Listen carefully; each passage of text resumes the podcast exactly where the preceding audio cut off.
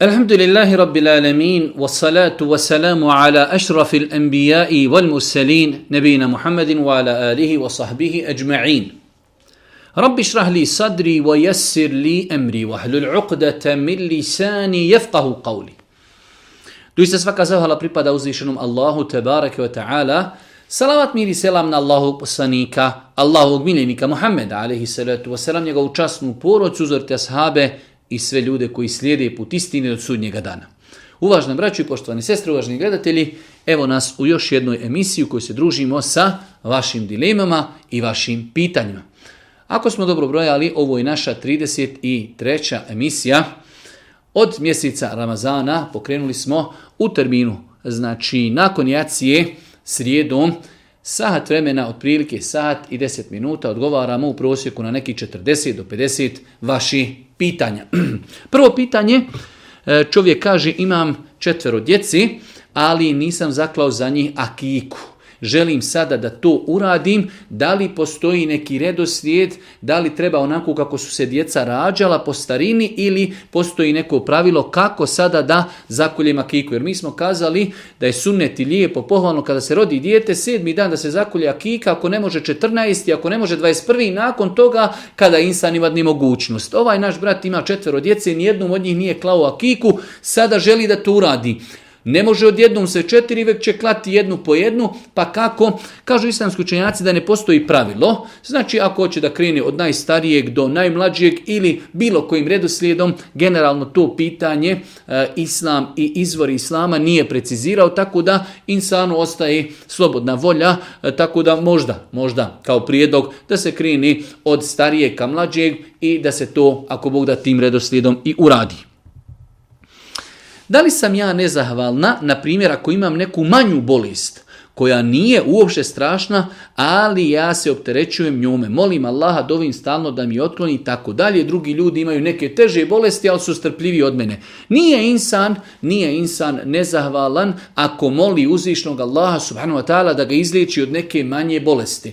Jednostavno, poglavlje dove je široko poglavlje, tako da čovjek ako ima neku manju bolest, nema nikakve smetnje da svoj problem iznese uzvišenom Allahu subhanahu wa ta'ala. Svakako da čovjek kad ga zadesi neki musibet bio manji ili veći, treba da znači osabura, da se strpi, da očekuje nagradu od uzvišenog Allahu subhanahu wa ta'ala, ali u svemu tome to ne isključuje da čovjek uputi dovu Allahu subhanahu wa ta'ala da ga izliječi ili da, da riješi taj njegov neki problem, bez obzira što to nije neki velik problem. Pitanje broj tri imam namjeru da se pokrijem, a i da klanjam, ali nikako ne mogu da počnem isto kao da me nešto sprečava i dok čitam Kur'an uvijek mi se spava. Svakako da čovjeka nešto sprečava. Šta ga sprečava? Sprečava ga šeitan, sprečava ga njegova duša, sprečava ga njegov nefs. Tako da to je neka normalna e, reakcija E, znači insan želi da promijeni neke stvari nabolje u životu, svakako da će se šetan pobuniti, svakako da ljudska duša e, ne stremi ka tome, tako da je to normalna stvar. Osoba kada želi da ostavi alkohol, da počne redovno kladjati, da ostavi kladionce, žena počne nositi mahramu, svakako da će biti otpora. Šetan ne želi da vas napusti i ne želi da odete iz njegove ekipe, tako da čovjek ne treba da se iznenađuje na takve reakcije, treba da nastavi čvrstu odluku da donese da pa se osloni na uzvišnog Allah subhanahu wa nađe sebi lijepo moralno društvo i krene putem ostavljanja loših navika, odnosno prakticiranja onoga što je uzvišen Allah naredio, u ovom slučaju hijjaba, ostavljanja onoga što je Allah zabranio, u ovom slučaju razgoličenosti. Esalamu alaikum, imam sina dvije i pol godine, još uvijek doji. Neki mi govore da mi je to grijeh ako priđe dvije godine. Nije tačno. Nije tačno da je grijeh da žena doji dijete više od dvije godine. Znači, e, ono što su islamski učenjaci kazali na osnovu kuranskog ajeta, e, da osoba koja želi da upotpuni dojenje, dojiće dvije godine. Ali to ne isključuje mogućnost nastavka dojenja, pogotovo ako žena e, ima mogućnost, ima mlijeka, a isto tako e, dijete traži i to mu odgovara, nema nikakve smetnje da žena nastavi i nakon dvije godine da doji svoje dijete, tako da e, ova konstatacija da je neko kazao da je to grijeh nije tačna. Imam pitanje da li je dozvoljeno poslije klanjanja namaza dobiti Allahu da nam da što želimo ili moramo posebno klanjati na filu za to. Nema smetnje da čovjek svoju dunjalučku potrebu traži od Allaha u namazu, primjer radi na seđdi, ili da to čini nakon namaza, jer po određenom mišljenju islamskih učenjaka E, dio hadisa e, koji govori o primanju dove, govori da se dova i prima i da se čini dova uzvišom Allahu nakon e, što čovjek klanja namaz. Tako da nema smetni da insan znači nakon namaza podigne ruke i zamoli Allaha Đelešanu za svoju neku dunjalučku i alahiretsku potrebu. Nije potrebno da mora poseba namaz klanjati u kojem bi zamolio nešto uzvišnog Allaha. Nije potrebe, nema potrebe čovjek znači nakon svakog namaza namaza koji klanja, da li je to podnik, indija, akša, jacija, saba, nakon namaza može podići ruke i svojim riječima u dovi za od uzvišnog Allah te ono što mu treba, a rekli smo da čovjek kada je u pitanju na fila nema smetnje da na seždi primjer radi i svom, na svom e, maternim jeziku zatrađu duzišnog uzvišnog Allah ono što mu je potrebno. Moje pitanje je da li je grijeh kastrirati mačku? uradila bi to po preporuci veterinara da ne bi lutala i tako dalje. U svakom slučaju islamski učenjaci su kazali E, kada je u pitanju kastriranje životinja, da je to dopušteno ako zatim postoji potreba, opravdana potreba, tako da znači insan će izvagati da li postoji potreba, ako postoji potreba i ima validan razlog da to se ne radi, da kažemo iz neke razonode, već se radi zato što insan u tome ima potrebu, ima, e, ima validan razlog, tako da nadamo se u ovakvim situacijama da nije sporno e, da čovjek uradi znači znači ovakav postupak kastriranje mačke.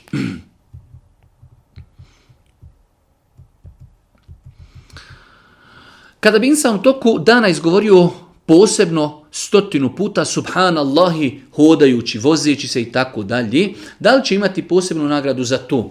Apsolutno da. To što je čovjek taj zikr, subhanallah, izgovarao hodajući, vozeći se, sjedeći, ne znam, nija radići neki posao, ne isključuje da će čovjek zbog toga biti nagrađen. Znači za svaki zikr kojeg čovjek kaže, da li je to subhanallah, da li je elhamdulillah, da Allahu, Allahu ekber, la haule wa la kuvata illa billah, la ilaha illallah, estagfirullah, Allahumma salli ala Muhammed i tako dalje, svi ti zikrovi Čovjek će za njih biti nagrađen, da li su rečeni nakon namaza, da li su rečeni e, u toku dana, bez obzira kada su rečeni, čovjek će zbog toga, ako Bog da, imati, imati nagradu.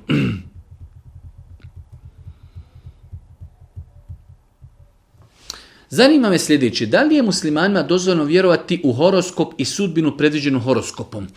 E, Više puta smo pisali e, postove u kojima smo spominjali da nije dozvoljeno muslimanu čitati horoskop, pošto je horoskop predskazivanje budućnosti.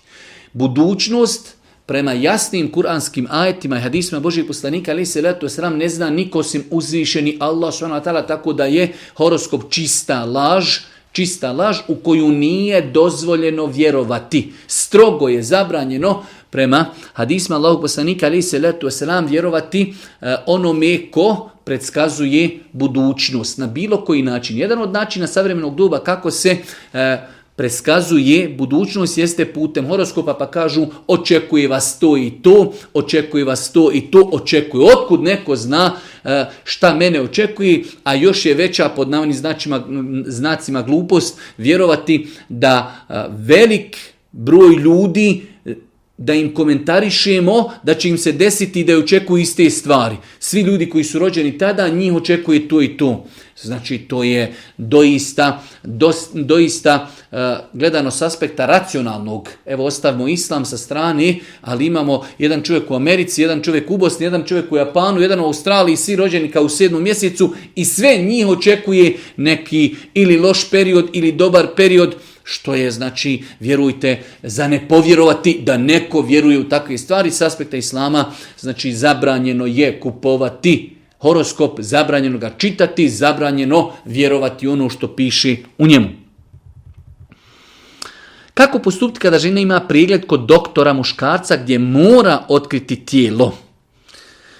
živi na zapadu, nemoguće birati niti nas ko ovdje razumije u, pogledu toga i tako dalje. U svakom slučaju, e, ženska osoba kada ide kod e, liječnika, treba da se potrudi. Da se boji Allah te koliko može, da se potrudi da ide, ako je u pitanju otkrivanje tijela. Žena ako će otići samo na neki razgovor gdje, gdje hajde kažemo, možda samo... E, pregled je takav da će samo razgovarati, tada možda i nema smetnje da to bude liječnik, muškarac, ali ako dolazi prilikom e, pregleda do otkrivanja tijela, tada se žena treba maksimalno potruditi da ženu pregleda žensko, ženski doktor, muškarca da pregleda muškarac. E, ako je insan poduzeo sve što je mogao, ako je nužda za tim pregledom, e, ako bi e, doktor bio i muškarac, nadamo se da insan nije griješan. Zašto? Jer insan je poduzeo u toj smjeni ili u toj bolnici, u tom smjeru nema muškarca, a nekome je taj pregled obaveza. Ako mi rekli, vidi, nije obaveza, mogu ja čekati tri mjeseca kad odem u Bosnu ili ću otići u drugi grad ili ću otići u privatnu e, bolnicu i tako dalje, to su sve druge stvari, ali ako mi nemamo mogućnosti, pregled nam je neophodan, a ne postoji žena iz te struke, onda se duboko nadamo da insan nije griješan, jer to radi pod nuždom. Znači čovjek jednostavno ima potrebu za tim. Moj sin želi da se vjenča šerijetski, ali njegova supruga nije muslimanka, ona je katolkinja. Da li treba prvo uzeti islam pa da se mogu vjenčati? Mi smo više puta govorili o tome da svakako e, Islam je dozvolio da musliman oženi kršćanku ako je moralna i čedna, čestita, ali ovdje kaže da li ona treba da uzme islam ako ona već razmišlja o tome i ako ima želju da privati islam onda je definitivno bolje sačekati da privati islam pa da se uzmu a ona u islamu jer smo rekli iako je muslimanu dozvoljeno da oženi kršćanku ili da oženi židovkinju ali su tu islamski učenjaci smatrali da je bolje ostaviti iz razloga e, mnoštva problema koji mogu doći u budućnosti u braku samo zbog različitih pogleda na određena pitanja, tako da e, dozvoljeno, znači ovdje je dozvoljeno da muškarac oženi ovu djevojku bez da primi islam, ali je bolje možda da se sačeka, da se sa njom porazgovara, ako već imaju znači indicije i ako ima pozitivno mišljenje, razmišlja o tome da primi islam, onda sačekati pa da se uzmu a ona muslimanka. Esselamu alaikum, srednjoškolac, imam profesorcu koja je, e, pretpostavljam, ateista. Da li je dozvoljeno i koje je vaše mišljenje, da li da joj poklonim Kur'an? E, kada je u pitanju Kur'an, u dosta slučajeva se tu misli na prijevod Kur'ana, jer zašto pokloniti nekom je Kur'an na arapskom ako neće ništa razumjeti, niti zna čitati arapski, tako da ako se radi o poklanjanju, poklonu prijevoda Kur'ana, nema nikakve smetnje da čovjek prijevod Kur'ana pokloni e, nevjerniku, da pokloni ateisti, nema nikakve znači smetnje. Ono što je problematično jeste e, znači da čovjek pokloni Kur'an koji ima arapsku verziju. To je već nešto drugo, ali pokloniti nekome e, znači Kur'an s prijevodom, prijevod Kur'ana uz Allahu pomoć nije, nije sporno. Da li žena ako nije postila opravdano par dana zbog mjesečnice, da li to mora odjednom sedam dana napostiti do narodnog Ramazana? Nije obaveza. Znači, pitanje je žena koja nije postila u Ramazanu sedam dana zato što imala mjesečnicu. Da li te dane kada želi da naposti, da li će i napostiti odjednom ili može da to bude parcijalno i isparčano? Može da bude isparčano, znači može svaki mjesec da posti dan, svaku sedmicu da posti dan, može da posti svaki drugi dan. Znači, ne postoji pravilo koje nas obavezuje kako moramo napostiti u toku godine do narednog Ramazana da žena naposti taj svoj dug, tako da, znači, ako žena nije postila sedam dana, napravit će sebi neki raspored u toku godine kada joj najljepši odgovara i napostiti te dane nije uvjet da budu dan za danom. Zašto je u Kur'anu prva stranica od suri Elif Lamim, a ne od suri Fatiha? Ne znam kakav čovjek ima Kur'an, ali e, u svim tim nekim Kur'anima, mushafima koje mi imamo, uvijek mushaf počinje sa Fatihom, nakon toga Elif Lamim, sura El Bekara je druga sura u Kur'anu i do kraja sura Kul Audhu bi Rabbin Nas. Tako da ne znam o kakvom se ovdje e, uzorku, primjerku Kur'ana radi, ali znači u svim tim nekim dostupnim Kur'anima, mushafima, e, imamo da počinje uvijek se sa Fatihom, nakon toga počinje sa El Bekarum. Možete li pojasniti dizanje ruku u namazu? Dizanje ruku u namazu, koliko sjećam smo o tome nekoliko puta govorili, dizanje ruku u namazu je sunnet. Pohvalan čin e, i samo e, dizanje ruku prilikom početnog tekbira isto je sunnet, a isto tako i dodatno dizanje ruku u namazu je sunnet i pohvalan čin. Svakako, kada je u pitanju propisanost, prilikom početnog tekbira, znači, mezhebi imaju jednoglasan stav da se ruke podižu prilikom početnog tekbira. Postoji jako razilaženje, jako razilaženje, e, e, da li se ruke u namazu dižu više e, nakon odlaska na ruku, prilikom povratka sa rukua i prilikom ustajanja na treći rekiat. Vjerodostojni hadisi koji bilježi imam i Buharija i Muslim od Ibn Omera i drugih eh, ashaba eh, Spominje se u tim hadisma da je Allah poslanik ali se letu selam e, tri puta dizao ruke u namazu. Hanefijski mezheb smatra da se ruke dižu samo prilikom početnog tekvira, tako da ne treba to pitanje da bude neka, neko pitanje oko koje će se muslimani svađati ili e, voditi oko toga rasprave. To je znači e, kroz historiju, kroz mezhebe pitanje u pogledu kojeg su islamski učenjaci imali različite stavove. Oni koji ne dižu ruke, E, ne treba e, da smatraju da oni koji dižu ruke da su u dalaletu i zabludi, kao i oni koji dižu ruke ne treba da smatraju da oni koji ne dižu ruke da su u dalaletu i zabludi gledano s aspekta hadijske nauke, jer se sva, znači ovo pitanje vraća za hadis, na hadise Božih poslanika, Imam Buharija kao najveći učenjak ovog ummeta definitivno, bez premca Imam Buharija je definitivno najveći učenjak u ummetu, u hadijskoj nauci. On je napisao jedno posebno, zasebno dijelo Raf'ul Jedin, podizanje ruku, u kojem je naveo žestoko jake argumente u, u kojima navodi jasno da je znači sunnet Božijeg poslanika i ashaba prvih generacija bio dizanje ruku u namazu prilikom početnog tekbira, prilikom odlaska na ruku, prilikom povratka sa rukua i prilikom ustajanja na treći rekiat. Ruke se, kao što nam je došlo e, u jednom od pitanja, kao što se podižu prilikom početnog tekbira, tako se isto podižu za one koji smatraju da je to sunnet. Prilikom odlaska na ruku se podiže, prilikom povratka sa rukua opet se podižu ruke i prilikom ustajanja na treći rekiat podižu se ruke. E, Allah Žešan najbolje zna, ali e, E, definitivno s aspekta hadijske znanosti ovo mišljenje jači. Opet nastavak pitanja što se tiče vezanja ruku kod žena. Dakle, dok stojim u namazu kako da vežem ruke, odnosno u kojoj visini.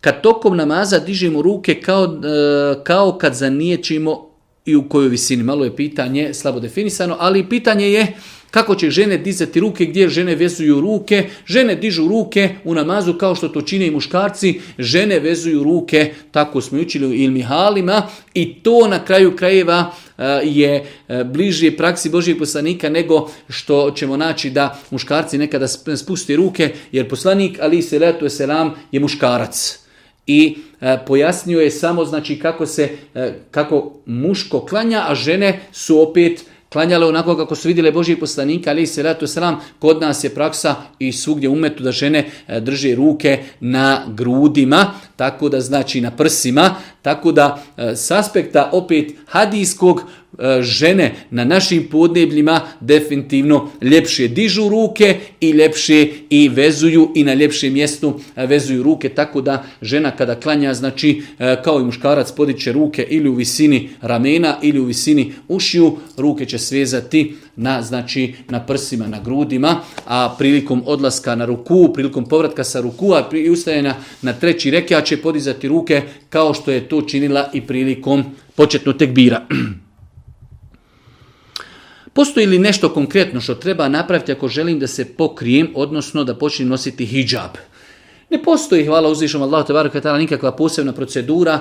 E, nošenje hijjaba je jedan od vađiba obaveza žene koja je punoljetna. Tako da žena ako nije bila e, znači pokorna, ako je e, izlazila iz kuće otkrivena, onog momenta kada odluči da će nositi hijab, ne postoji nikakva procedura, nikakva dova, nikakva fešta, nikakva ceremonija prvi put prilikom izlaska iz kuće nosi mahramu, pokorna je uzvišom Allahu te barak vetala, znači ne postoji nikakva posebna dova, nikakva ceremonija, nikakav poseban postupak.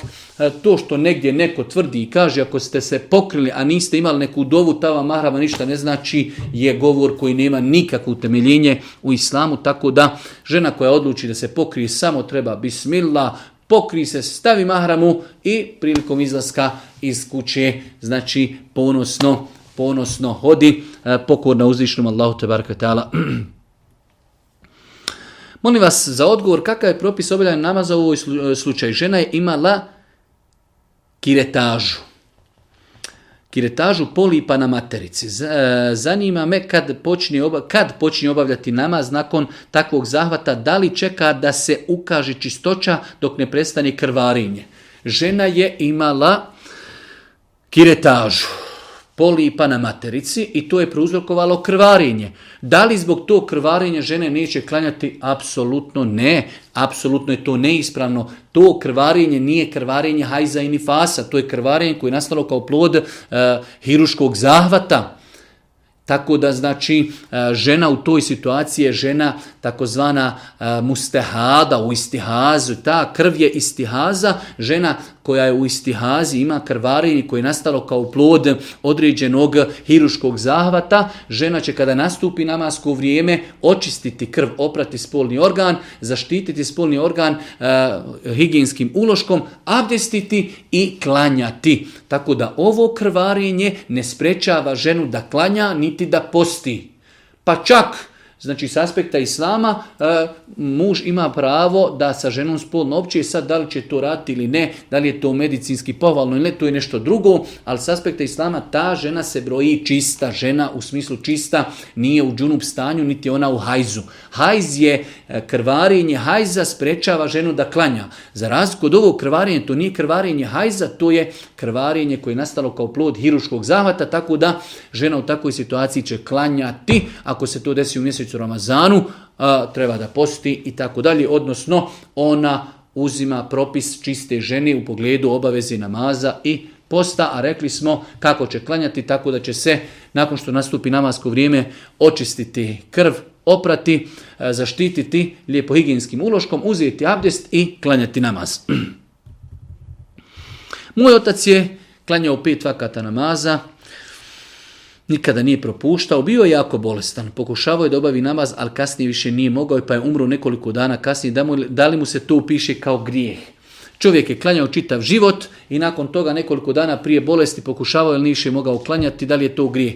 Molimo Allah subhanahu wa da mu to ne upisuje kao grijeh ako je zaista pokušao da klanja. Mi imamo jedan veliki problem što ljudi kada odu u bolnicu pa makar tu bili neki zadnji dan njihovog života, ono ne mogu klanjati, imam kateter u pidžami, nemam seđadu, nisam kod kuće i tako dalje što je neispravno. Čovjek treba do zadnjeg svog momenta života da se trudi u granicama mogućnosti da klanja pa shodno svojim mogućnostima. Neko će sjedeći na stolci, neko na krevetu, neko stojeći, neko sa kateterom, neko na, sa piđamom na kojoj ima krvi i tako dalje, shodno svojoj mogućnosti, ali sve dok je čovjek razuman, treba se truditi da klanja. E sad ovdje ovo pitanje kaže, e, on nije mogao klanjati. Šta li to znači? Ne znamo, ali ako je čovjek čita svoj život klanjao, nadamo se Allahu i milosti i oprostu.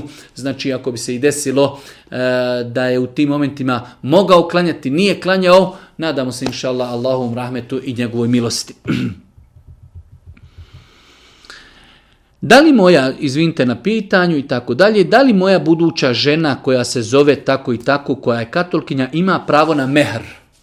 Apsolutno. Čovjek kada se ženi i ženi ženu koja nije muslimanka, uvjeti koji su postavljeni da bi brak bio validan sa muslimankom su isti identični uvjeti ako čovjek ženi kršćanku. Tako da mora da bude znači tu neko ko, ko je staratelj te žene, mora biti svjedoci, mora biti mehr i tako dalje. Znači sve ono što imamo od uvjeta da ženimo muslimanku, isti ti uvjeti su vezani i za ženu koja nije muslimanka. Rekli smo da je muslimanima dozvoljeno ženiti dvije vrste nemuslimanki, e, dozvoljeno ženiti katolkinju, odnosno kršćanku, bolje rečeno kršćanku, i dozvoljeno ženiti židovkinju pod uvjetom da su moralne i čestite. Prilikom sklapanja braka svi uvjeti koji moraju da se ispune prilikom sklapanja braka sa muslimankom su isti identični uvjeti koji treba da se ispuni ako čovjek ženi katolkinju, tako da u ovom slučaju žena katolkinja pod imenom ta i ta ima pravo na mehr apsolutno. Zanima me kakav je stav u islamu za osobu e, za osobe koje su romske nacionalnosti, da li će one, da li mogu ući u džennet. E, nadam se inšan da ova pitanja nisu provokativna, zašto neka osoba koja je Rom ne bi mogla da zasluži Allahu milosti da uđe u džennet. Inne kramekum inda Allahi kakum kod Allaha su najbolji oni koji ga se najviše boji. Šta je to razlog da neko, e, znači, e, zar ne može neko biti Rom i biti Allahov iskren rob i naučiti Kur'an i obavljati namaz i davati sadaku i zaslužiti najveće deređe u džennetu. Znači, džennet nije rezervisan ni za kakvo državljanstvo, ni za kakvu naciju, niko nema privilegije posebne osim po vjerovanju. Tako da e, ne možemo nikako govoriti može li neko od Turaka ući u džennet, može li neko od Arapa ući u džennet, može li neko od Bosanaca ući u džennet ili može li neko od Roma ući u džennet. Svi mogu ući u džennet kao što svi ako ne budu vjerovali, ne budu pokorni, mogu biti kažnjeni. Znači sve je vezano ne za našu boju kože, niti za našu nacionalnost, niti za naše porijeklo, sve je vezano za naše srce, za naše vjerovanje, za našu pokornost. Tako da odgovor je apsolutno čovjek koji vjeruje, vjeruje pokoran Allahu te da može zaslužiti Allahu milost i oprost i džennet. Jedno malo duže pitanje u kojem se udrobilo svašta nešto, raskinuo sam sa djevojkom prije osam mjeseci iz nepoštovanja prema meni. Prije par dana smo pokušali da uspostavimo kontakt i tako dalje. Ali kaži, meni je stalo do nje. Sve je, e, je bilo šerijetski u toj nekoj vezi dvije godine. Ona je pokrivena djevojka kako da postupim. Čovjek hodao sa djevojkom dvije godine u nekoj šerijatskoj vezi. Nema šerijatska veza u islamu, ali eto. Nakon toga se posadili prije osam mjeseci i sada ponovo šta da radi. Nema tu mnogo šta da se radi. Mi imamo taj problem na kojeg smo mi dosta puta upozoravali. Ljudi ašikuju godinama. I na kraju ili se posadi ili nađu jedno drugom neku mahanu ili neko drugog prevari tako dalje. Stoga mi i kažemo osoba koja želi da e, stupi u brak, koja ozbiljno želi da stupi u brak, dovoljno je jednom, dva put, tri put, četiri, pet, sedam, deset puta da sjedne sa tom svojom budućom suprugom ili žena sjedne sa budućim mužem, da e, otvoreno, ozbiljno razgovaraju o braku i da vide jesu li jedno za drugo ali vodati se dvije, tri godine ašikovati i u svemu tome urati samo Allah zna koliko neki e, zabranjenih stvari je i kako neispravno. Tako da šta uraditi? Ja kada bio u toj situaciji, ako mi je do te osobe doista, pokušao bi sa njom stupiti u kontakt i kazao, vidi, ja sam odlučio da se ženim. Jesi li ti odlučila da se udaš, gdje da sjednemo ako imamo neki problem, da pokušamo naći neko rješenje, neki kompromis. Možemo naći rješenje, elhamdulillah. Ne možemo naći rješenje, Allah te nagradio da ti Allah podari sve najbolje u životu, idem sebi, tražim drugu djevojku i mirna Bosna. Esselamu alaikum, pitanje da li je namaz ispravan bez namaske dove i zikra? Apsolutno, apsolutno namaz. Znači, Allah poslani kaže u vjerodostojnom hadisu početak namaza je početni tekbir, predavanje selama je kraj, ključ namaza. Tako da čovjek kada kaže eselamu alaikum, eselamu alikum, njegov namaz je završio. On odmah može uzeti svoju jaknu, svoje naučale i izići. Svakako ako ostane zikriti, proučiti i, i dovu e, koju će proučiti sam, ne džematsku, e, nema u tome ništa loše i to je što bi rekli i sevap dodatni da čovjek zikri nakon namaza. Ali to nema nikakve veze sa ispravnošću i validnošću namaza. Namaz počinje riječima Allahu Ekber, početni tekbir, završava se eselamu alikum, eselamu alikum. Kada predamo selam, mi smo završili svoj namaz. E, primjer radi, kada bi čovjek predao selam, eselamu alikum, eselamu alikum. Nakon toga izgubio abdje, spustio vjetar. Njegov namaz je apsolutno validan zato što se to desilo nakon predavanja selama. Pojenta je, predavanjem selama, preselamljivanjem, mi smo završili svoj namaz. Ako sjedimo, ako zikrimo, ako učimo dovu, sve to lijepo i dobro. Ali ako iziđemo iz džamije, mi smo, ili eventualno smo kod kući, mi smo obavili ono što nam je bila obaveza. Jedno malo duže pitanje, e, da sada ne ulazimo u detalje, ali je problem, jedan poročni problem gdje muž i žena imaju problema, e, dogovori se da će određene stvari korigovati, popravljati, E, i onda muž, kako stoji u ovom pitanju, se ne pridržava toga odnosa. Oni se dogovori kako će se upotiti prema njegovoj rodbini i prema njenoj rodbini. Ona to poštuje, za razliku od njega vjerovatno je u pitanju takva ličnost gdje je čovjeku teško da saopšti svojima, da li rođacima, da li majci, da li ocu, ono što se on i njegova supruga dogovori. I onda to ženu mnogo iritira, dogovorili smo se, ja ono što smo dogovorili ispoštujem prema svojim roditeljima, on ne ispoštuje prema svojim i onda to pravi probleme. U svakom slučaju to jeste problem definitivno, ali isto tako treba razumjeti, jednostavno imate osobe koje su Takva im je ličnost. Teško im je da se nekome suprostavi. Pogotovo dijete koje je odraslo u takvom ambijentu. Jednostavno imate neku djecu koja su odrasla u ambijentu da su njihovi roditelji takve ličnosti da su oni uvijek u nekoj, da kažemo, podređenoj situaciji i u nekom položaju. Tako da e, tom djetetu sutra i kada zasnuje svoju porodcu teško je se u nečemu suprotstaviti svojim roditeljima. E, svakako da su to jedna posebna vrata o kojima smo mi mnogo govorili, da e, supružnici moraju imati e, da budu kao tim, da zajedno nastupaju i da svojim roditeljima i muževim i ženim kažu ovo je naš stav, Allah vas nagrađuje, nemojte nam se miješati u život. Ali imate ljudi koji zaista nemaju snage, ne mogu to kazati, tako da tu treba tražiti neki kompromis, treba razumjeti tog insana ako nema hrabrosti i snage da to kaži. Treba lagano, lagano, e, malo se istrpit, malo i njega pritiskat da ojača, e, da, da smogne snage, da lagano na lijep način saopći određene odluke koje su donijeli muž i žena, pa da ih lagano kaži, da im to saopći i tako dalje. Ne mislim da, da, da, da to treba da bude razlog, ne daj Bože, razdora u braku i da to bude razlog, čak na kraju krajeva možda nekada i razvoda braka. Treba malo osaburiti, roditelj bez obzira koliko e, bili, ali e, ako ne žive zajedno, vrijeme ide, ljudi starije, e, čovjek će ostati na kraj krajeva sa svojom suprugom kući, tako da su oni jedno drugom u tom momentu najprioritetniji, malo nešto osaburiti malo, malo utjecati na muža da izgradi samopouzdanje, pa da te neke stvari i kaže, mislim da tu treba vagati i treba, ako Bog da, tako balansirati. Zamolio bih vas za par preporuka knjiga ili autora o životu Muhammeda alihi salatu wasalam i tako dalje. E, ima dosta knjiga, jedne prilike je profesor Mita Čeman je napisao, ja sam to objavio, e, napisao jedan post, duži post, e, koji je napisao na moju inicijativu knjige koje on preporučuje, e, koje govori o Božjem poslaniku i on je to sortirao u tri kategorije. Prva kategorija kao ono za početnike, druga kategorija malo opširnije i treće knjige koje su ono baš opširne o Božjem poslaniku. Spomenuo je tu desetine, desetine knjiga o Božjem poslaniku koje imaju na bosanskom jeziku. E, ono što možda možemo za, za, za početak kazati, imate jednu lijepu knjižicu, mislim da je dostupna i na internetu, e, Upoznaj Božijeg poslanika u nekoliko minuta od Nasira Zehrani, jedna lijepa knjižica, nije velika, možete pročitati zaista za možda nekoliko sata, a interesantno, mnogo, mnogo interesantnih podataka o ličnosti Božijeg poslanika, ali se leto sram, to je neka zaista malehna knjižica, ali sa mnogo, mnogo interesantnih i e, provjerenih informacija o Božijem poslaniku.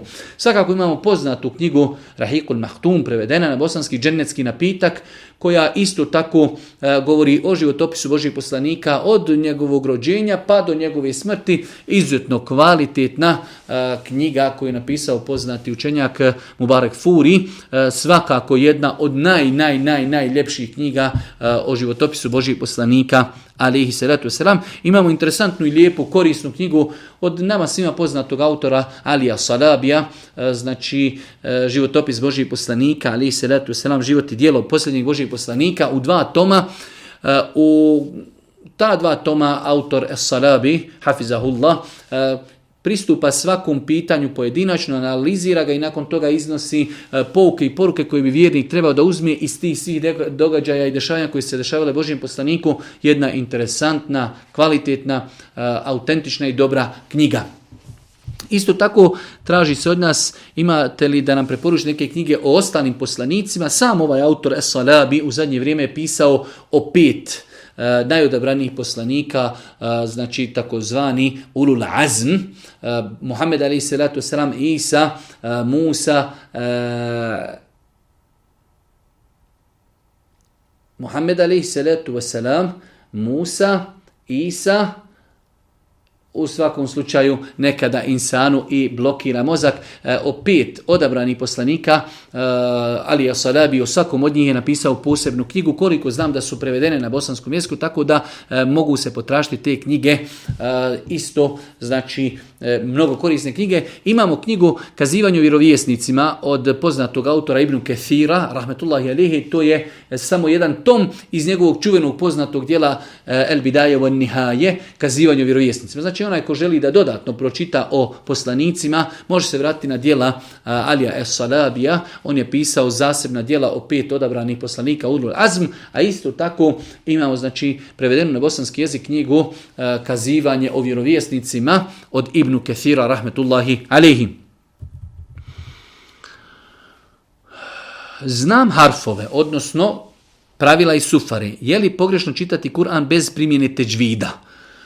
E, ako insan zna da sigurno zna izgovarati ispravno harfove, e, to je ono što se od nas traži kao neki minimum, da čovjek ispravno izgovara harfove, a e, teđvid i teđvidska pravila, ako se tu misli na uklapanja, e, gunne i tako dalje, to je nešto za što su islamski učenjaci kazali da je, da je pohvalno i lijepo. Tako da osoba koja zna sufaru, koja zna ispravno izgovarati, zna ispravno vezivati riječi, zna dužine, takva osoba nema nikakve smetnje da uči Kur'an, a lagano ako Bog da vremenom da jednostavno taj svoj kirajet, svoje učenje da ga uljepša i da ga ukrasi teđvidom. Tako da ako se ovdje misli da osoba zna harfove, ispravno ih izgovara, zna dužine, zna sklapanje riječi, to je ako Bog da dovoljno i to je taj neki minimum ispravnosti našeg kirajeta, a teđvid kao uljepšavanje, znači to je nešto pohvalno i lijepo. Da li je dozvan učiniti sadaku drugoj vjeri? Nema smetnje nikakve da čovjek da sadaku nekome ko nije musliman, samo pod uvjetom, kao što je uvjeti za muslimana, da tu sadaku e, zna da neće se ta sadaka potrošiti u nešto što je zabrajno. Ako bi došao čovjek musliman ili ne musliman, kaže daj mi e, pet maraka ili marku ili dvije ili deset da kupim duhan, da kupim alkohol, da kupim drogu. Normalno da nećemo dati ni muslimanu ni nemuslimanu. Ali ako imamo, e, znači vidimo potrebnu osobu, bio musliman ili nemusliman, da treba da kupi hljeba, da mu damo sadaki, da mu damo odjeću i tako dalje, nema nikakve smetnje, čak šta više znači s aspekta insanskog da čovjek pomogne e, svakome, znači i muslimanu i nemuslimanu, nema nikakve smetnje s aspekta islama, čovjek će biti nagrađen za sadaku koju da, bez obzira da li je dao muslimanu ili nemuslimanu. Jedno pitanje, čovjek kaže, musliman sam e, i naravno vjerujem u Boga, ali isto kao što mi vjerujemo u Allaha, tako i druge vjere vjeruju u svoja božanstva. Isto kao što mi vjerujemo da je ono što je napisano u Kur'anu tačno i druge vjeruje, vjere vjeruju u istintu svojih knjiga. Meni niko ne bih mogao ubijeti da je, na primjer, kršćanstvo prava vjera, kao kako onda da ja ubijedim nekog kršćana da je islam prava vjera. Čovjek hoće da kaže, kao što ja vjerujem da je moja vjera ispravna, tako isto i kršćani e, vjeruju, pa kako se u svemu tome ponašati. U svemu tome je bitno da čovjek postavi pravila i principe. Mi muslimani vjerujemo da svi poslanici su slati od istog gospodara. Svi poslanici su slati od Allaha te barka Svi poslanici su pozivali jednoj vjeri koja se zove Islam kroz historiju, znači uvijek je vjera koju su poslanici pozivali islam, jer islam riječ znači esleme, juslimu, pokoriti se, biti pokoran uzvišenom Allahu subhanahu wa ta'ala, muslim, musliman je onaj koji je pokoran Allahu te wa ta'ala. Pa nam Kur'an na više mjesta govori da kroz historiju su poslanici uvijek ljude pozivali islamu i pozivali su da budu muslimani. S druge strane, eh, jedina autentična knjiga za koju se e, odgovorno može kazati da u nema nikakvih iskrivljenja, niti dodataka, niti oduzimanja, jeste Kur'an. Uzvišeni Allah Kvetala je garantirao da će čuvati Kur'an. Sve prethodne objave, apsolutno, ali to je jasno malo i djeci, su iskrivljene. Pa je poslanica Muhammeda a.s. koji je došao od istog gospodara, koji je poslao i Musa i koji je poslao Isa, Isusa, Ista, isti, znači, e, gospodar je poslao Muhameda i kazao svi su obavezni da se pokori Muhamedu, da vjeruju u njega, njegova poslanica je autentična i sve prijed, prethodno je derogirano. Muhammed Ali Selatu Selam kaže da je Musa Ali Selam živ, ne bi mu preostalo ništa drugo osim da mene slijedi. Poslanik Ali Selam kaže ni jedan kršćanin, niti židov neće čuti za mene i ne povjeruje, a da neće biti vječno u vatri. Tako da mi ne želimo ni s kim da se nešto plaho, da kažemo, ili svadimo ili raspravljamo. Mi vjerujemo da su svi poslanici slati od istog gospodara, Allah te barko tala poslao je posljednjeg poslanika, pečat svim vjerovjesnicima, njegova, njegova poslanica Kur'an derogirala je prijetodne objave i ona je poslanca za cijelo čovječanstvo. Ko hoće da u to vjeruje, e, bujrom ko ne želi da vjeruje, ne možemo mi la i kraje fidin, nema prisile u vjeru. Nema prisile u vjeru. Onaj ko bude objektivan, onaj ko čita, vidi razlike e, u Bibliji, vidi greške, vidi kontradiktornosti, on će shvatiti e, da velik broj tih stvari se ne mogu pripisivati Bogu. Jer je uzvišeni Allah taj koji je garantirao samo da će Kur'an ostati neizmijenjen sve do sudnjega dana. Tako da je Kur'an derogirao prethodne objave, Mohamed eh, eh, Muhammed Ali Selatu Selam je poslan cijelom čovečanstvu. da li je dozvoljeno psu Dobermanu davati svinsko meso. svinsko meso je zabranjeno ljudima da konzumiraju, nije zabranjeno da se daje životinjama. Tako da e, Allah najbolje zna, kao što kaže islamski učinjaci u svojim fetvama, e, kroz mezhebe i mezhebske stavove nema smetnje da znači svinsko meso, ako bi čovjek posjedovao svinsko meso, da ga daje i da njime hrani životinje jer životinje nemaju razum i one neće odgovarati na sudnjem danu. Svinsko meso i svi proizvodi od svinskog mesa su zabranjeni ljudima, a ne životinjama. Tako da islamski učenjaci u mezhebskim klasičnim knjigama i učenjaci savremenog doba su kazali da nema smetje da čovjek svinsko meso daje životinjama. E, jedan naš brat kaže, počeo sam redovno klanjati, ali imam problema sa svojim roditeljima, ako im kažem da je muzika haram, oni kažu trebaš se prilagođavati svijetu. Ako obavljam namaz, oni kažu trebaš, ako obavljam noćni namaz, trebaš se odmarati. Ako kažem da ne želim ići u kafić, oni kažu e, da se treba malo opustiti, relaksirati, zabaviti i tako dalje. U svakom slučaju to je nešto standardno, klasično, da nekada roditelji ne razumiju svoje dijete, ali Žešanu uputi dijete na pravi put, pridržaje se onoga što mu je njegov gospodar naredio, a njegovi roditelji, e, da li iz neznanja, da li iz toga što su odrasli u jednom drugom ambijentu, jednostavno te stvari ne razumiju, kako se ponašati, pa čovjek jednostavno, najbitnije se čovjek ne svađa, to je najbitnija stvar.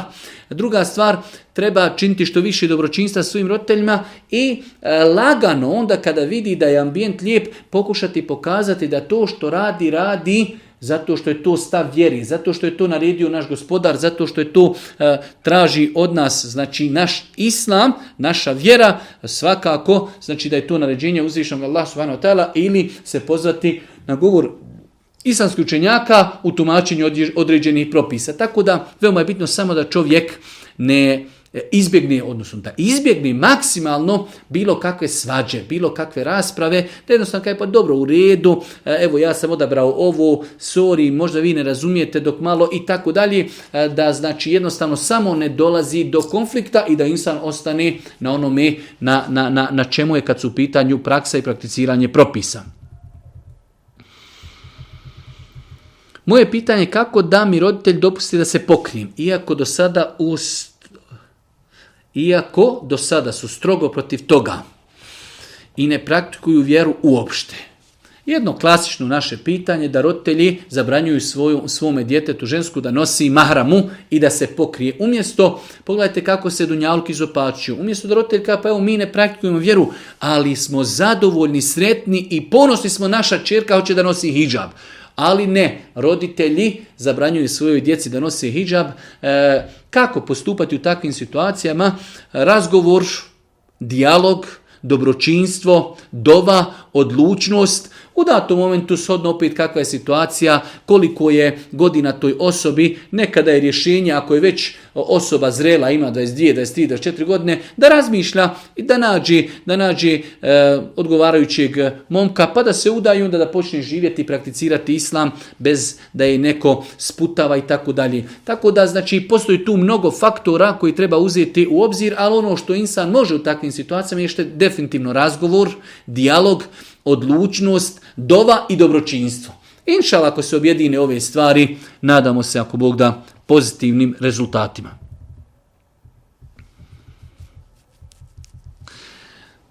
jedan malo duži e-mail, na početku se čovjek zahvalio za sav rad i trud kojeg ulažimo uh, u radu za uspana Tala, vjeru, nakon toga kaže, naime, već par godina štedim pare, da ako Bog da odem na još uvijek nemam dovoljno, ali imam toliko da bi uskoro sa suprugom mogao obaviti umru. Zanima me šta mi je preći.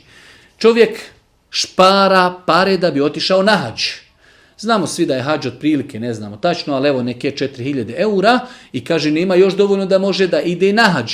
Ali ima novca dovoljno da bi mogao sa suprugom da ode na umru. Šta je prioritetnije da uradi? U svakom slučaju e, njemu je dozvoljeno jedno i drugo, a šta je prioritetnije to je sad e, veoma teško kazati. E, ne zna insan doka će živjeti, da li će doživjeti da ušpara pare za hađ i tako dalje. Ali dozvoljeno je čovjeku, ako nije sakupio pare za hađ, Znači dozvoljeno da te pare utroši da ode na umru, da se vrati, pa će ako tjedne ponovo šparati, pa ako ušpara da ode na hađ, elhamdla, ako ne ušpara, nije ni obavezan zato što hađ postaje obaveza onda kad čovjek bude imućan. Tako da čovjek nije postao imućan da ide na hađ, ali je bio imućan da ode na umru, tako da nema nikakve smetnje šerijatske da čovjek ode na umru sa svojom suprugom, pa kada se vrati, ako Allah Žešanu olakša da ušpara para ili da dobije od nekli nekom faku, da ode na hađ, dobro jest. Ako ne, on nije griješan što je te pare potrošio na umru, da ne govorimo koliko će imati nagrade i sevapa prilikom obavljanja umre, klanjanja namaza u Meki i tako dalje. Tako da E, ova osoba u ovakvim uvjetima ima pravo da ide sa svojom suprugom na umru, a isto tako može da se strpi i kaže neću ići na umru, želim da nastavim šparati pare pa da idem na hađu. Malo smiješno, provokativno pitanje, ali evo, nema veze, odgovorit ćemo. E, da li je haram i zabranjeno gledati TikTok poslije akšama? ono, kod nas uvijek da li je haram poslije akšama otići negdje napolje, hodati oko kući, oko wc i tako dalje, ali evo, omladna pita da li je haram gledati TikTok poslije akšama, Eh, ako će čovjek na TikToku gledati nešto što je halal poslije akšama, inšala je dozvoljeno, ako će gledati poslije akšama i prije akšama nešto što je zabranjeno, onda je to zabranjeno kako prije akšama, tako i poslije akšama. pojentaju onome što se gleda, a ne kada se gleda. Može se gledati prije sabaha i poslije sabaha i prije podne i poslije podne i prije akšama i poslije akšama, ali da to bude nešto halal i dopušteno, a ako je nešto što se gleda haram, onda je to haram i prije i poslije akšama. Moj otac konzumira alkohol. Da li ja mogu dobiti Allahu da više ne konzumira alkohol? Apsolutno da. Nažalost, mi dosta puta to pitanje dove toliko smo skučeni u pogledu dove. Imamo oca koji ima problem s alkoholom, da li mi možemo dobiti, ja rab, olakšaj mome ocu da ostavi alkohol, ja rab, sačuvaj ga alkohol, ja rab, omrznim alkohol. Svakako da to možemo, znači to su neka najosnovnija pitanja koja treba da znamo u pogledu dovi, a to je da je dozvoljeno da molimo mi, Allaha subhanahu da našem roditelju, našem bratu, našem djetetu, našoj čerci, sinu i tako dalje, omrazi određene grijehe i da im olakša da ostavi taj grijeh. Kako da sebe vratim u vjeru? Tako je pitanje. U mom srcu osjetim želju za namazom, za hajli stvarima, za slast imana, za dobročinstvo roditelja. Klanjao sam, dijelio sam, pošten sam. Ali sada sve manje i manje. Nerviram se. Dunjaluk mi je postao velika briga. Uvijek krene se popravim, ali nešto mi ne da. Imam želju i tako dalje. Nedavno smo kazali e, da šetan apsolutno nije zadovoljan kada neko napusti njegovu ekipu i želi, želi da bude pokoran Allahu te kvetala i to je ono što insana sprečava. Čovjek osjeti u početku tegobu ako želi da kreni klanjati, biti pokoran, e, ostaviti harame i tako dalje. Sama dijagnoza kaže ali sada sve manje i manje nerviram se. Dunjaluk mi je postao velika briga. Pa jedno od rješenja u redu, idem za dunjalukom, ali na halal način, samo ne da me spriječi od onoga što mi je uzvišeni Allah naredio.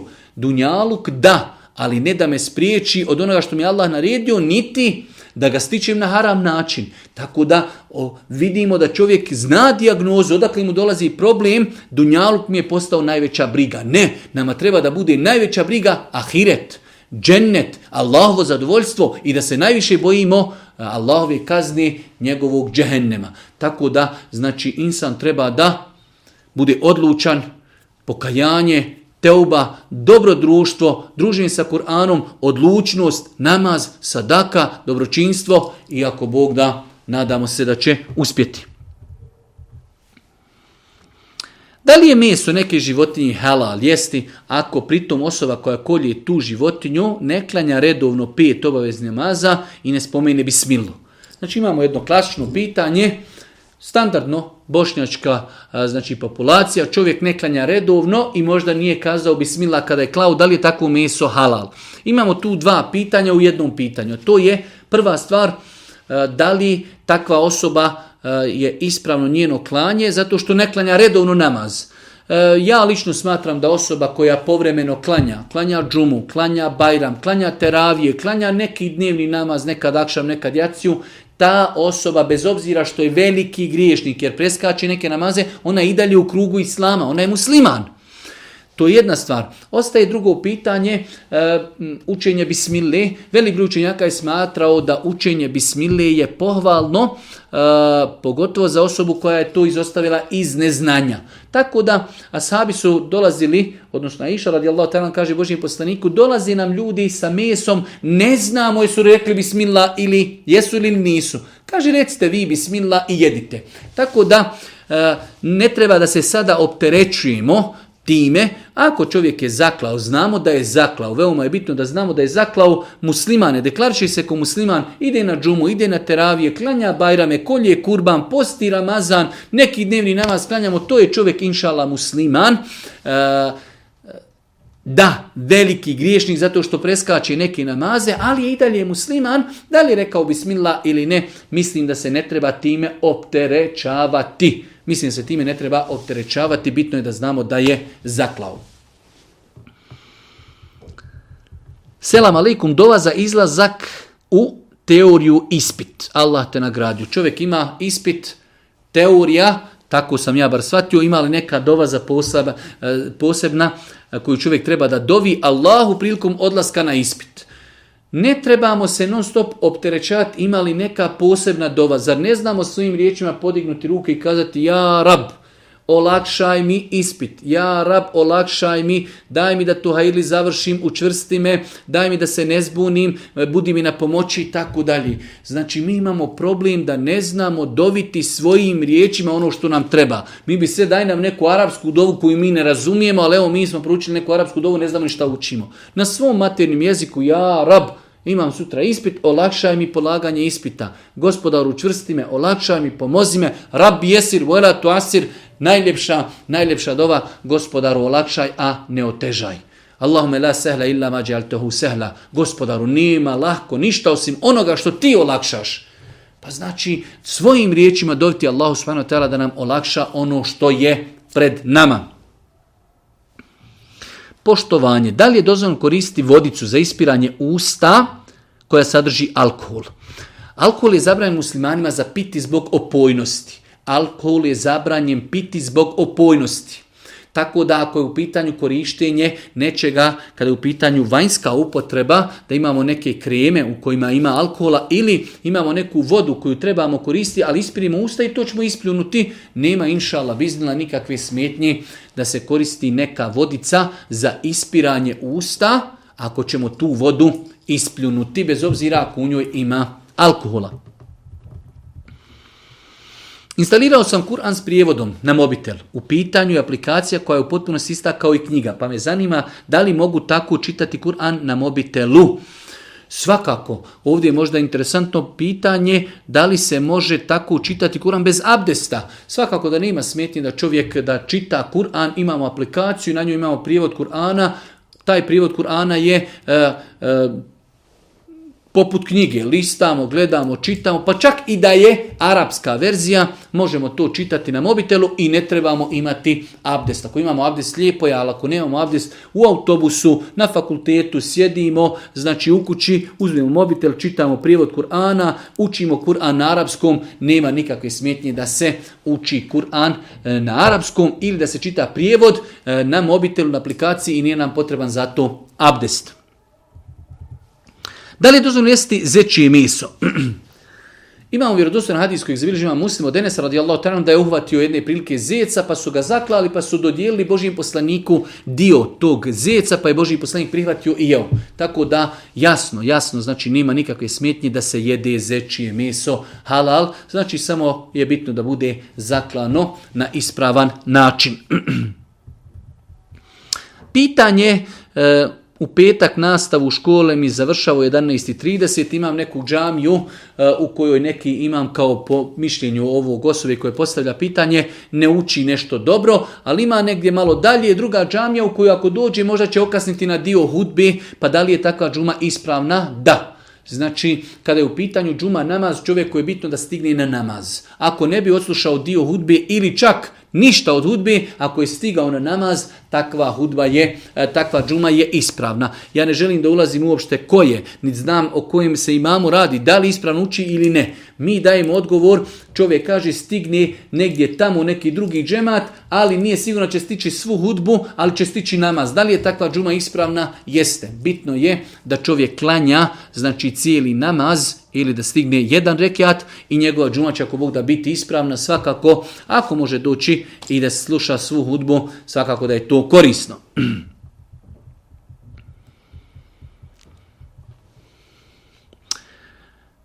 Da li se sadako može smatrati bilo kako novčano pomaganje sestrine i djeci? Da li se može smatrati sadakom bilo kako novčano pomaganje sestrini djeci? Apsolutno da. Boži poslanik kaže sadaka koja se daje rodbini je znači dupla sadaka i održavanje rodbini, a i sadaka. Tako da znači čovjek kada daje sadaku djeci od svoje sestri, on ima dvije nagrade. Ima nagradu što im je dao sadaku, ali isto tako ima nagradu, to su djeca od njegove sestri, on njih čuva, pazi, održava rodbinske veze, tako da svakako da je sadaka prihvaćena ako se daje djeci od svoje sestri i zbog toga što je to sadaka i zbog toga što je to čuvanje rodbinskih veza. Zanima me da li moram poštovati oca koji psuje Allaha i nemaran je prema svojoj poroci. Ne želi da nas izdržava, stalno nas psuje i gura od sebe. Definitivno da je ovo jedno teško pitanje, ali uvijek treba u životu da znamo jednu stvar. Mi ćemo biti na sudnjem danu pitani kako smo se obhodili prema svojim roditeljima, a naši roditelji će biti pitani kako su se obhodili prema nama. Nama je Allah naredio da činimo dobročinstvo prema svojim roditeljima, makar bili nevjernici. Znači čovjek kaže ja sam musliman, njegovi roditelji kažu mi nismo muslimani, mi smo bilo koje druge vjere, idemo u crkvu i tako dalje. Da li da im čini dobročinstvo? Da, Allah Žešanu kaže, pa makar te pozivali da činiš širk, nevjerstvo Allahu, sahibuma fi dunja marufa, prema njima se lijepo obhodi na ku Znači, e, to što oni čini grijeh ne znači da ne znači da ne smijemo, e, da ne trebamo i činiti dobročinstvo. I sad ostaje taj moment psovanja Allaha tabaraka je e, djelo koje izvodi insana iz zvijeri. Ako bi insan mislio, pretpostavio da ako on u datom momentu e, malo i bojkotuje svoga oca zbog toga da će on ostati taj grijeh, on na to ima pravo. Ali ako je tom njegovom ocu ne znači mu ništa, ma ti me ne bojkotuješ, ne bojkotuješ, ja sam i dalje isti, onda obaveza dobročinstva i dalje ostaje uz savjet, uz kritiku, shodno vremenu i prostoru, znači koji će čovjek ocijeniti i procijeniti, ali mi ćemo biti na sudnjem danu pitani kako smo se mi opodili prema roditeljima, a roditelj, će biti pitan na sudnjem danu kako je ispunio emanet prema svojoj djeci, da li je izdržavao, da li ih je odgajao, da li im se posjetio, ne pripremi on odgovor za sebe, a mi pripremamo odgovor za sebe.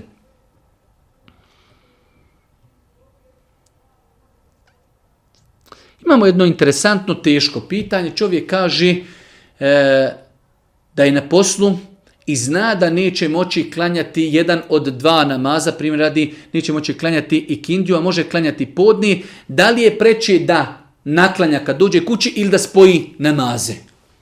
Znači čovjek radi u firmi, ima neku pauzu gdje može klanjati podni namaz, ali zna da će morati biti možda na poslu za mašinom, ne može klanjati kindju, već do kraja kindije je završilo radno vrijeme, on mora ići kući. Da li će naklanjati taj namaz ili će spojiti namaze? U svakom slučaju, ako bi se takva stvar desila, znači rijetko, jednom mjesečno, jednom u pola godine, Allah najbolje zna prioritetnije čovjeku da spoji namaze da spoji namaze, kao što se radi prije radi čovjek je doktor u bolnici, došla im je situacija da ima operaciju gdje on zna da će morati rati 5-6 sati, operacija je teška, a, operacija počinje nakon podni namaza, on će spojiti kindju, ući u operacijsku salu i operisat će čovjeka kada iziđe spojit će akšam i jaciju. Znači u takvim situacijama islam dozvoljava se spoji namaz. Ali ako će to neko raditi svaki dan, spajati namaz, Onda se vraćamo na pitanje koliko je čovjek uopšte dozvoljeno da ostane na poslu gdje ne može redovno obavljati namaze.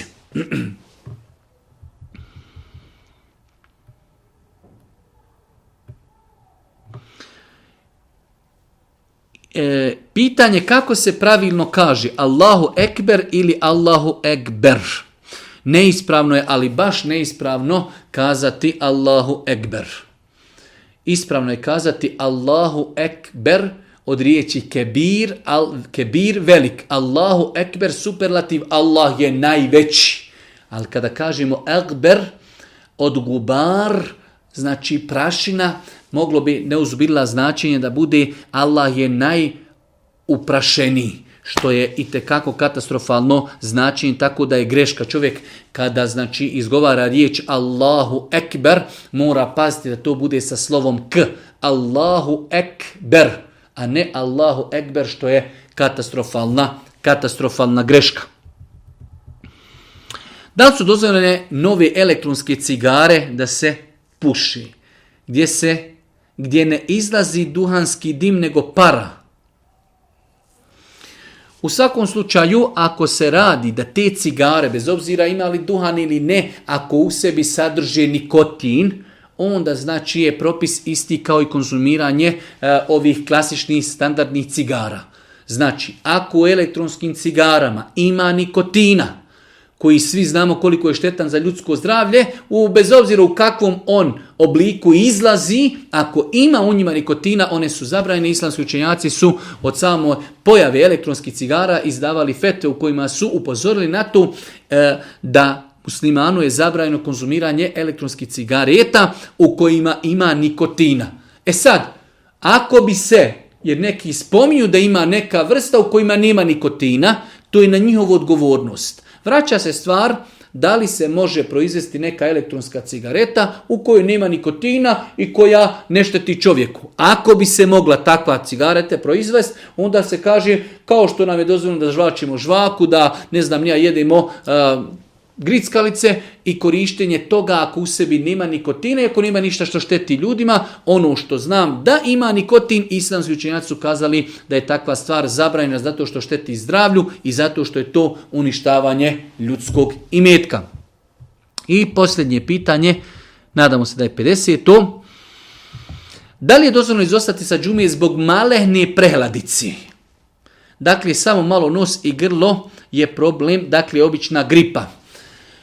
Islamski učenjaci su ukazali da te male gripice i prehladice nisu dovoljan razlog da čovjek izostaje sa džumi.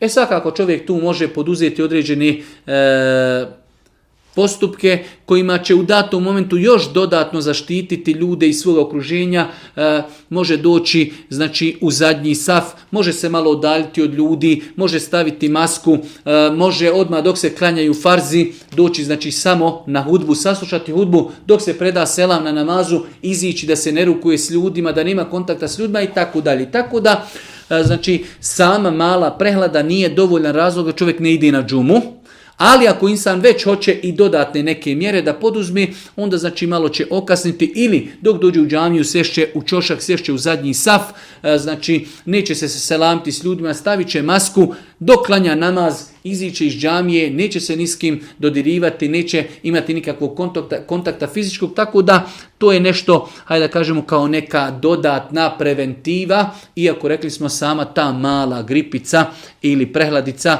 ako Bog da e, nije dovoljan razlog da čovjek zbog toga ne ide na džumu. Allah te barka tala, molim da nam podari korisno znanje, molim ga subhanahu ta'ala da nam bude milostiv na sudnjem danu i na kraju subhanike Allahumma bihamdike, šedun la ilaha ilan stakfiruke, wa etubu Oh.